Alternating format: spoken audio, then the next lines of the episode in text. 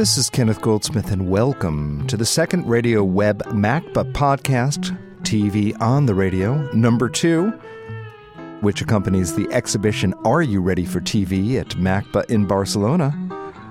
Uh, that runs from November 5th, 2010 to April 25th, 2011.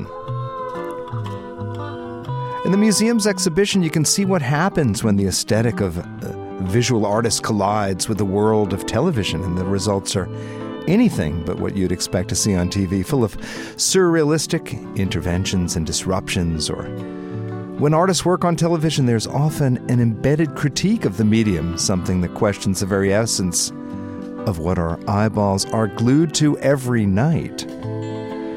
As uh, curator Chus Martinez writes about the show, she says, This is not an exhibition about television, but one conceived from the place of television. Its aim to study how the diverse ways of grasping images and the life of concepts contribute to tracing the horizon of our cultural present. In our first podcast, we examined what happened when audio artists used the sounds of television as a source for their audio works. The results demonstrated to us by everyone from John Cage to the Evolution Control Committee were rich and varied. Now, for this podcast, we're going to actually listen to the soundtracks from the videos in the show themselves. In essence, we're going to treat the visual works as if they're audio works. And we're going to see what happens. In most cases, I think we'll discover that the sounds emanating from the visual works can stand on their own as great listening experiences. In other works, though, the uh, visuals and sounds are deliberately uninteresting, tending to highlight the mundane or insignificant experiences of life, which, of course, are equally rich in an inverted sort of a way.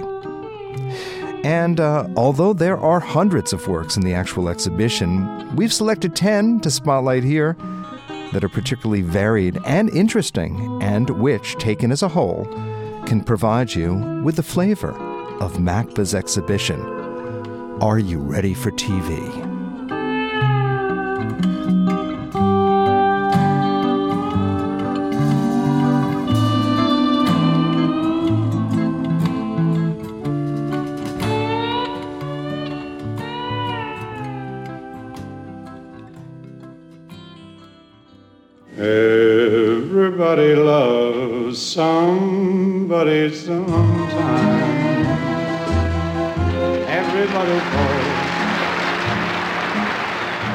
The golden days of the Rat Pack were waning when Dean Martin got his own TV show. Yet, looking at this retrospective clip hosted by his uh, crony Orson Welles, you'd think that the party had never ended.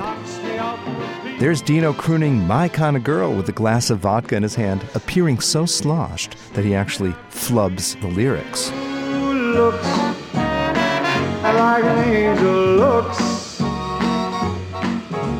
Cooks like an angel cooks. Yet appearing is the operative word. In fact, Martin was stone sober when recording these shows, and the quote vodka, unquote, in the glass was always water. And uh, his mistakes are great acting, and all the sloppy errors in the show were intentional. In fact, this was the most canned live TV ever presented. Martin never took the medium of television for granted, nor did he ever break out of his playboy good timing character. This was as close to reality TV as we have today. It's highly scripted and manipulated, yet it appears to be spontaneous, live, and exciting. Take, for example, Dino's famous closet, which was a part of uh, every show. Out of the blue, a knock would come from a door located near the rear of the stage, and Martin, in reality, was as unaware as to who was knocking at the door as we were. Anybody or anything might be waiting to step out, and Dean himself was the last to know. He'd open up the door, and then usually a uh, random celebrity guest would step out. In this tape, we meet a laundry list of stars of the day like Ann-Margret, Hazel the Maid, Jimmy Durante, and Raymond Burr. Uh, one time, a drunken Red Skelton staggers through the door. He's slurring his words and he's holding a bottle and a paper bag, offering uh, Martin a chance to uh, drink even more. And of course, lots of nude women come through the closet door. We see uh, two from a nudist colony, one naked woman's in a shower, and there's even a nude couple lip locked in an embrace on which uh, Martin, of course, uh, abruptly slams the door, and sometimes it gets surreal. In one segment, Martin opens the door, and out comes a full high school marching band, all 100 members, each dressed in formal band attire, blasting their instruments. The parade seems to go on forever. Martin, acting so naturally, easily convinces us that this is, in fact, his great life. And in Dino and Orson's Rat Pack world, every minute is a wild party, disruptive, surreal, and uncanny, and completely scripted.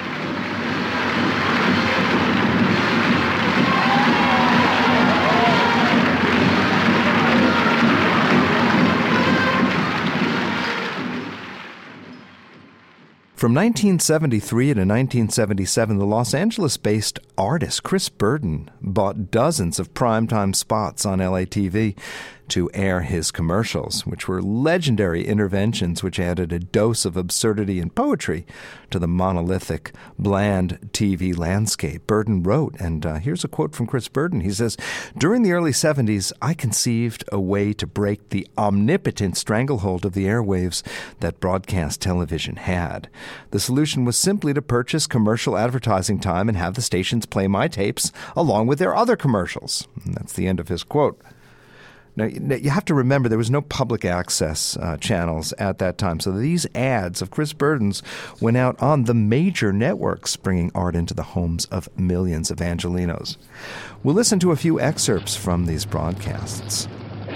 The first ad, Through the Night Softly, is just a 10 second clip of uh, Burden's infamous performance piece where he crawls naked on his belly through a bed of crushed glass with his hands tied behind his back, writhing and breathing heavily. It's, uh, it's not much to listen to, but it's great to think about. This was shown nightly on seven TV stations in the Los Angeles area for nearly a month, and you can imagine how shocked viewers must have been to encounter this bizarre, self masochistic scene in between Brady Bunch segments. But now let's listen to a work that really stands on its own as well poetry. It's an ad called Poem for LA. And it too clocked in at 10 seconds and was occasionally looped three times to run at 30 seconds. Now, you have to picture the scene. It shows a close up of Burden's face as he recites three ambiguous phrases. They're half manifesto, half haiku. Science has failed. And it's rare enough to see an artist on television, but it's life. even rarer to see an artist recite poetry on prime time. Science has failed. Heat is life. Time kills. Science has failed. Heat is life. Time kills. Another ad, which aired in May of 1976, Burden calls the Chris Burden promo. Michelangelo. Rembrandt. For this ad, he took the results of a American nationwide survey asking the public who the best known artists were. Leonardo da Vinci. And he lists them in a monotone and then tags his own name, Chris. Burden, which was certainly not on the list. He tags that onto the end. Pablo Picasso. Chris Burden. Finally, in 1977, Burden translated a visual piece of his into a TV ad. It was called Full Financial Disclosure, uh, where in the gallery he displays all his canceled checks and financial ledgers, making a mockery of what corporations and politicians are forced to do all the time in public. Burden's financial picture, like most artists, is bleak. Now, for the TV ad, imagine this scene. Burden facing the camera while seated at a desk in front of a huge American flag with a caption identifying him as Chris Burden, artist, and he delivers a deadpan monologue in the style of a sincere politician demonstrating his post Watergate financial transparency. In keeping with the bicentennial spirit, the post Watergate mood, and the new atmosphere on Capitol Hill, I would like to be the first artist to make a full public financial disclosure. Following the brief statement, a series of graphics silently flashes across the screen while he reveals his pathetically small gross income for 1976. My gross income for 1976 was $17,210. My business expenses total $16,156. This left me with a net profit for 1976 of $1,054. Thank you. Humor and stories uh, that were inspired by the British tradition of the music hall, where unpredictable events were scripted into skits and songs, were very much a part of the English artist Ian Breakwell's work. Like his contemporary, the storyteller and elfish musician Ivor Cutler, Breakwell found great magic in the world of the everyday. A quiet humor, more funny strange than funny haha, permeated his investigations of the mundane. Throughout the 1970s, Breakwell kept what he called a continuous diary, where he'd write down what happened literally right outside his window. There was one man who I kept seeing repeatedly, a man just as purposeful as those around him, but not engaged in any business except that of walking continuously on a circuitous and regular route around the market area. This tape, broadcast on the BBC in 1984, features him reading from and, in some cases, restaging these diary entries. They're odd bits of everyday life, occasionally feeling like a Monty Python skit particularly one absurd sketch where two nuns pack the back of a black London taxi full of dead skinned animals. The windows filled with skinned rabbits. But the diary entries for which he became most well known was a series called The Walking Man Diary, written between 1975 and 78, in which Breakwell observed one man outside his window over the course of time uh, and recorded how he interacted with the architecture and denizens of his neighborhood. At the end of 1978, he disappeared, and I have never seen him since. In a telephone booth, past a man lying in the sun covered with animal fat, past the businessmen walking in step past a room filled with people tapping their Where feet, does he go? past a girl pulling her hair out, past the grey suited men breathing through their noses, past a priest whose mouth is filled with soft Demonstrably odd. cheese, past a man with his nose pressed against. Breakwell's walking man, this uh, itinerant hobo wandering around in search of meaning, could easily be a character out of a Beckett play.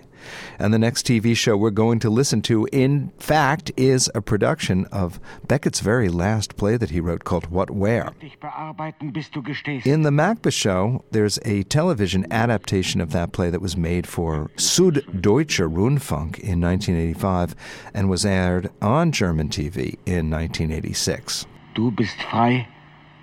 Ja. Nimm ihn mit und bearbeite ihn, bis er gesteht. Was soll er gestehen? Now, even if you don't speak German, Beckett's words are sparse and simple enough to get an idea of what's happening.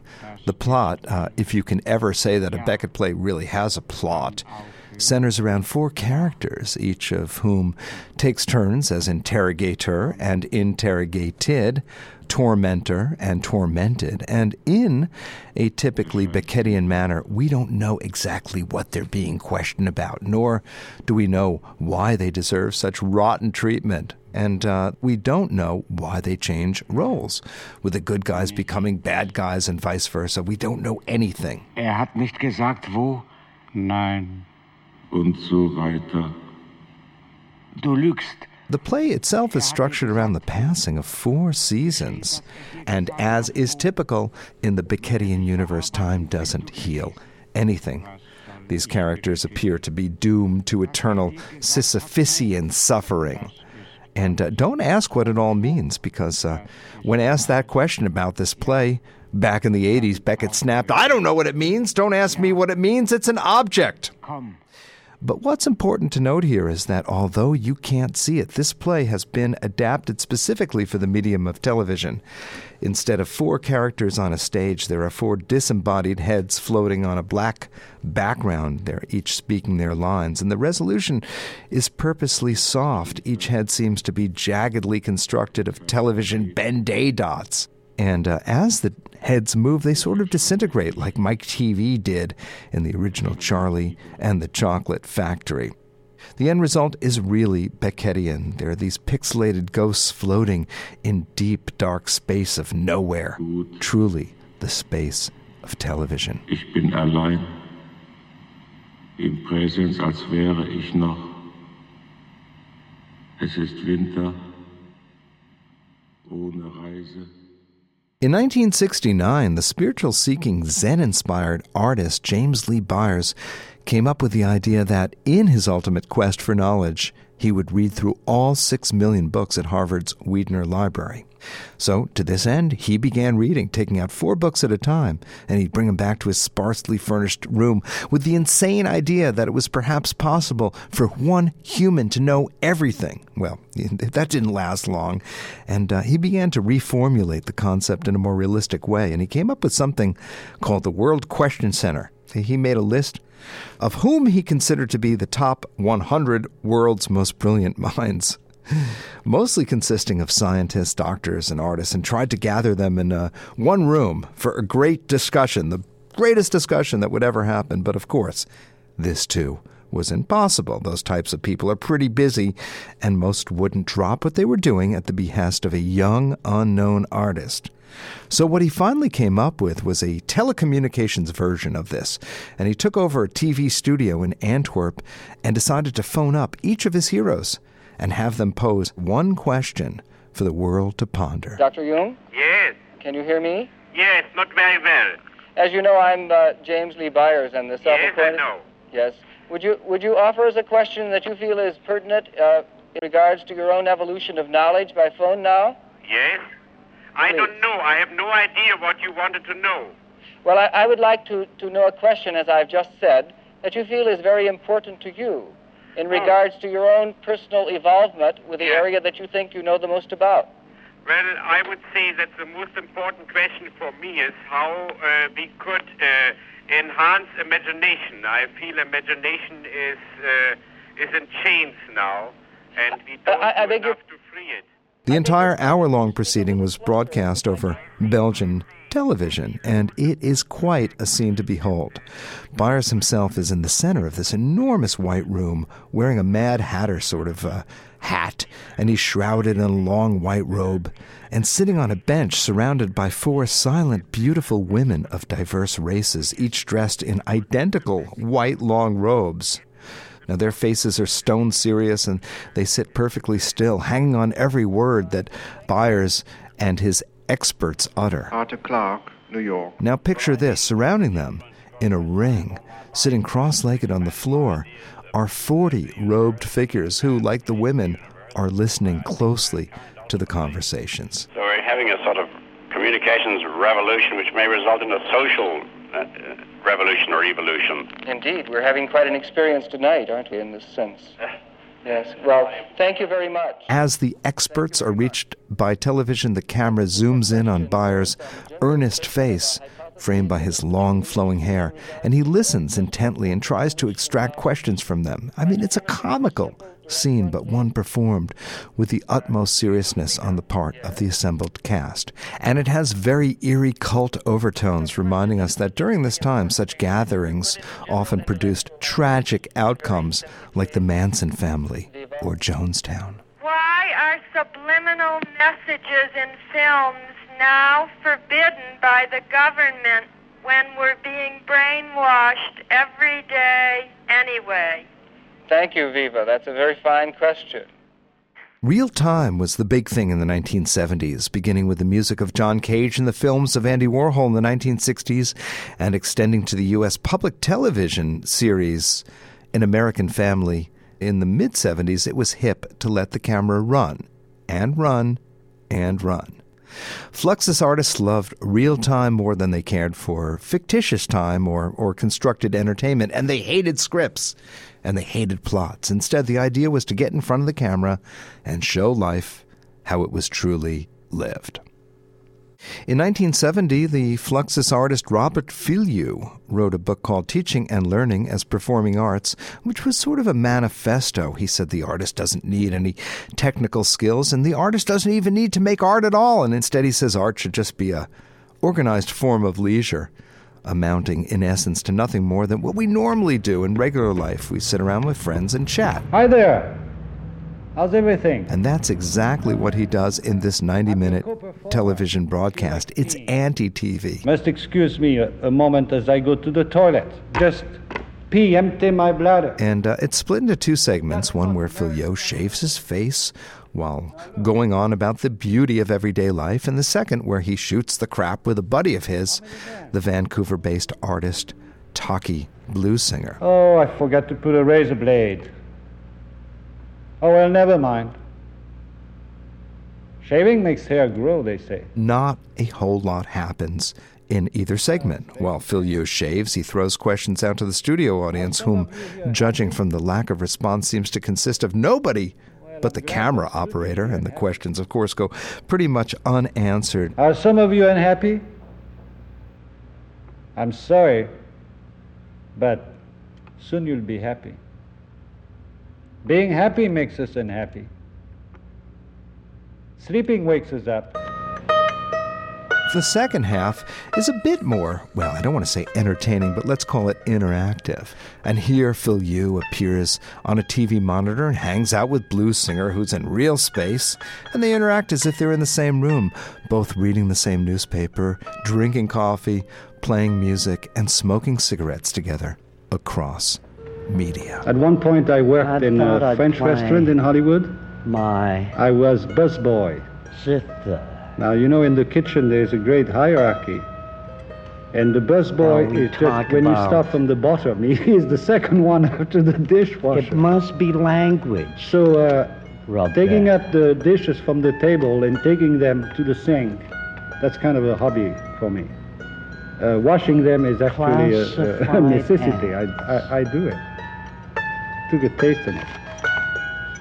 Insufferable personifications. Let me see. This is the first of four programs in which I want to question some of the assumptions usually made about the tradition of European painting. Ways of Seeing was a 1972 BBC television series consisting of visual essays that raised questions about hidden ideologies in visual images. The series gave rise to a later book of the same name written by John Berger. Now, uh, Berger explores the ways in which the reproduction of art, be it a postcard, reproduced in a magazine, or displayed on television, makes the meaning of images, meanings that were originally considered to be stable, ambiguous. The invention of the camera has changed not only what we see, but how we see it. And in a crucial but quite simple way, it has even changed paintings painted long before it was invented. He explains that reproductions of works of art can be used by anybody for their own purposes. Images become words rather than holy relics, making it possible to actually discourse with them. The faces of paintings become messages, pieces of information to be used, even used to persuade us to help purchase more of the originals, which these very reproductions have in many ways replaced. In this uh, series, he discusses the ways in which traditional art histories try to deny us our own experiences with art, instead, dictating to us the author's own agenda. He says that a reproduction is more personal and powerful than the ivory tower into which art is traditionally placed. Now, his, his message is positive, it's a media savvy one. Uh, one that tries to reclaim a, a, a, a real, authentic, and intimate relationship with the power of reproducible media. The meaning of a painting no longer resides in its unique painted surface, which it is only possible to see in one place at one time. He concludes with the statement With this program, as with all programs, you receive meanings and images which are all arranged. I hope you will consider what I arrange, but be skeptical of it. Ladies and gentlemen, the President of the United States has been the victim of an assassination. John Berger's provocation about the malleable, shifting nature of images, once presumed to have a stable context and meaning, is explored in depth around one incident the assassination of John F. Kennedy.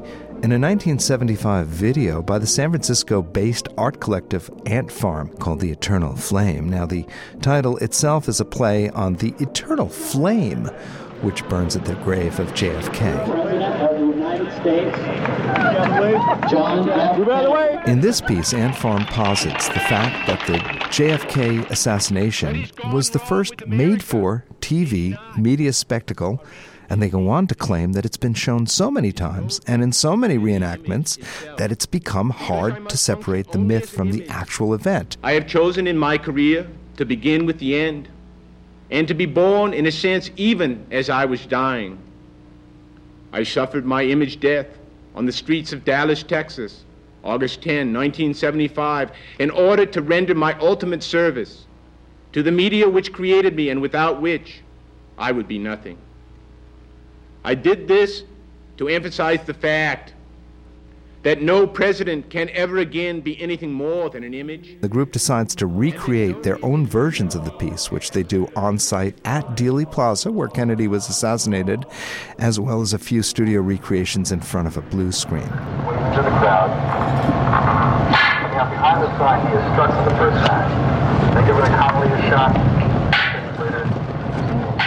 The two artists that comprise the collective, Chip Lord and Doug Hall, dress up as John and Jackie. We see them getting into character. Lord with his heavy Boston accent as JFK, and Hall in drag, donning a uh, pink Chanel suit as Jackie. He's he's convincing. And off they go into the world to reenact the assassination of JFK.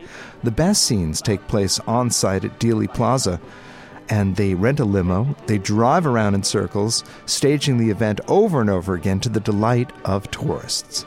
They film the tourists narrating and reacting to their reenactment. One woman claims that Ant Farm's version is better than the original. This is going to give me bad dreams.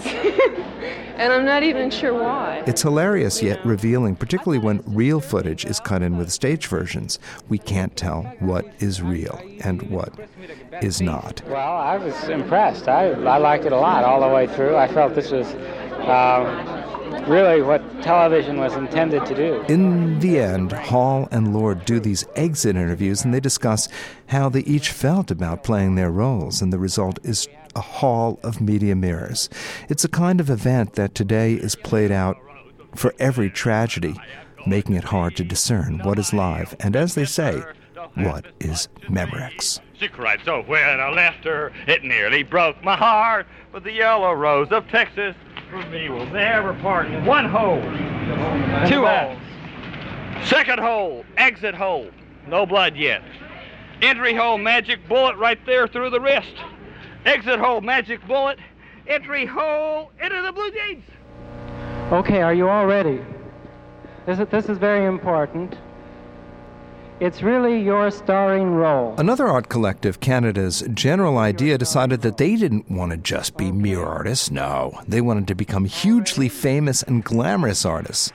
And to that end, they decided that one way to become famous was to invent a beauty pageant and crown one lucky girl Miss General Idea. The 1984 Miss General Idea pageant is basically this a framing device we have framed for our own devices to contain our frame ups. The search for the spirit of Miss General Idea is the ritualized pageant of creation, production, selection, presentation, competition, manipulation, and revelation of that which is suitable for framing. Another idea was to launch a magazine called File, which is an anagram of the uh, magazine Life. A la Warhol's interview, which could be used as a way of garnering even more fame and glamour. We wanted to be famous, right? Well, what better way to measure fame than in column inches?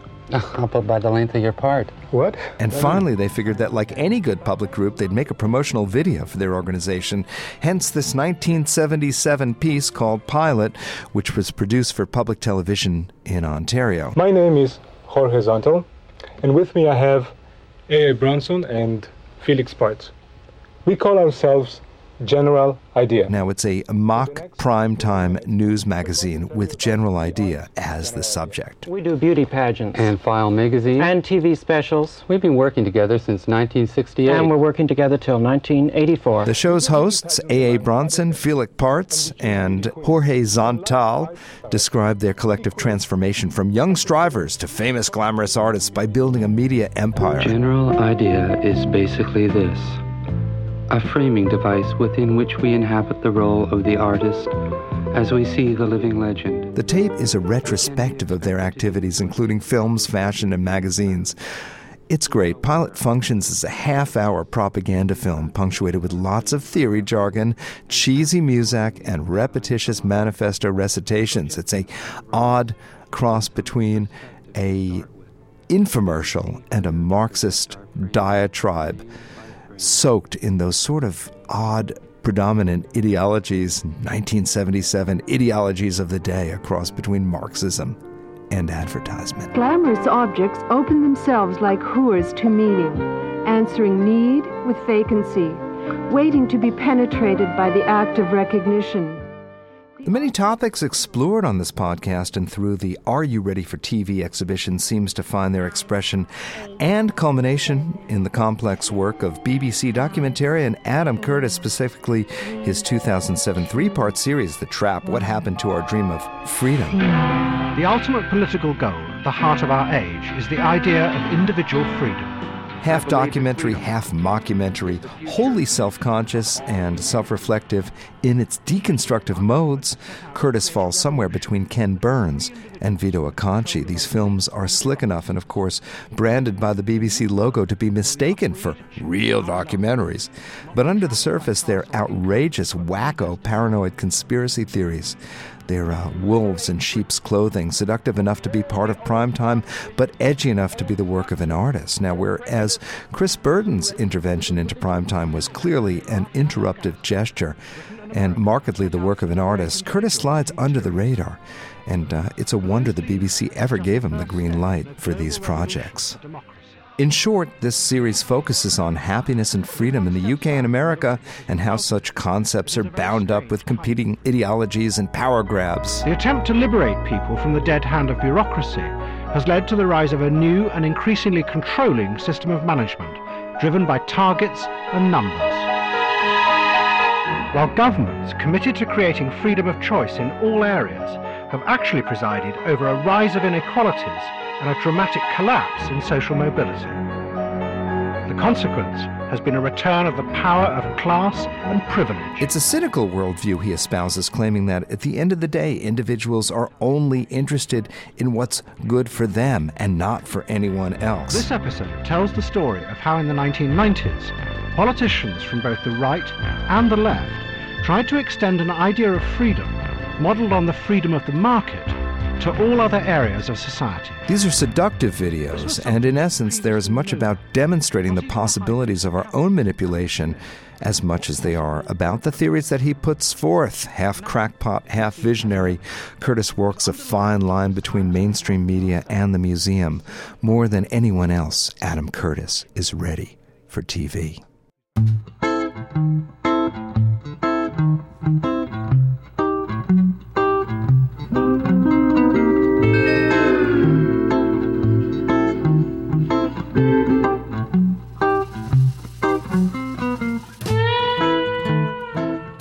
This has been the second part of a two part podcast for Radio Web MACBA. TV on the Radio, Part 2, which accompanies the exhibition Are You Ready for TV at MACBA in Barcelona, which runs from November 5th, 2010 to April 25th, 2011. I'm Kenneth Goldsmith.